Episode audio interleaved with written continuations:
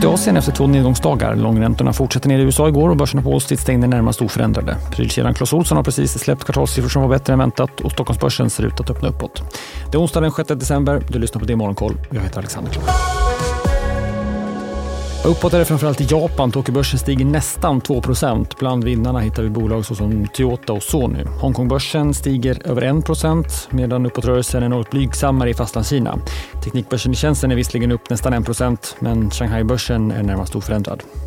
Oförändrad är också en bra beskrivning på Wall Street. Igår störst rörelse såg vi på Nasdaq upp 0,4 procent. Mycket handlade om räntorna som fortsatte ner. Tioåringen backade under 4,20 och står nu i morgonen i 4,19. Tvååringen i 4,60. Räntenedgången triggades troligtvis av gårdagens jobbdata som visade på att antalet nya jobb i landet minskar i en snabbare takt än väntat. Utfallet för oktober var den lägsta nivån sedan mars för två och ett halvt år sedan, 2021. Och på fredag kommer arbetsmarknadsrapporten Non-Form Payroll som marknaden tror ska visa bättre siffror än sist. Idag kommer också en försmak när den privata mätningen från ADP publiceras i eftermiddag. Förhandstipset är att det ska visa på 130 000 fler sysselsatta inom privat sektor i november. Den officiella jobbrapporten då på fredag ska visa 180 000 tror marknaden i snitt. Och den amerikanska ekonomin kan få ner inflationen utan att arbetsmarknaden behöver försvagas. Det var beskedet från USAs finansminister Janet Yellen inför veckans arbetssiffror.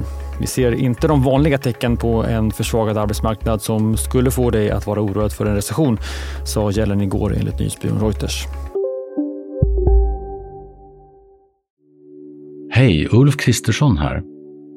På många sätt är det en mörk tid vi lever i. Men nu tar vi ett stort steg för att göra Sverige till en tryggare och säkrare plats. Sverige är nu medlem i Nato. En för alla, alla för en.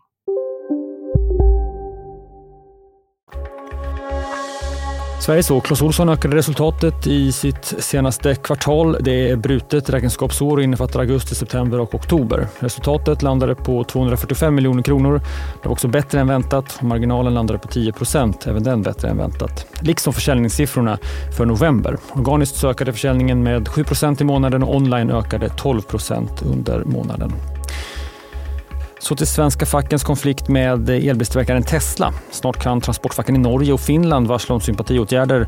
Där skriver i alla fall Dagens Arbete och hänvisar till källor. Detaljerna kring varslen håller fortfarande på att utformas enligt källorna. Riskkapitalbolaget EQT har sålt hela sitt innehav i BHG. Aktierna såldes med en rabatt på drygt 7% jämfört med stängningen igår och bland köparna fanns BHGs tidigare vd och medgrundare Mikael Olander. Även investmentbolaget Nordstjärnan har sålt ytterligare aktier i NCC.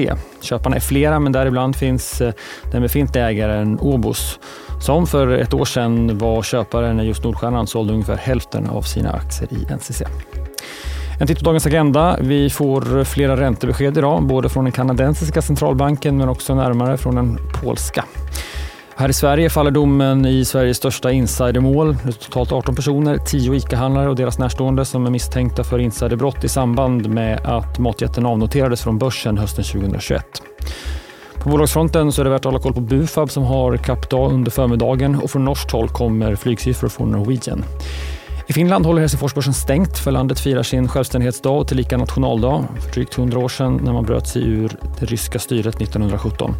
Att Helsingforsbörsen är stängd hindrar inte Börsmorgon i DTV från att eh, spendera lite extra tid på vår granne i öster. Varför är finsk verkstad så mycket billigare än svensk och varför har börsen i Helsingfors gått så dåligt? Det är några frågor som eventuellt besvaras. Börsmorgon i DTV kvart i nio eller som podd senare under förmiddagen. Det är Morgonkoll. Jag är tillbaka igen imorgon bitti. Vi hörs då. Jag heter Alexander Klar.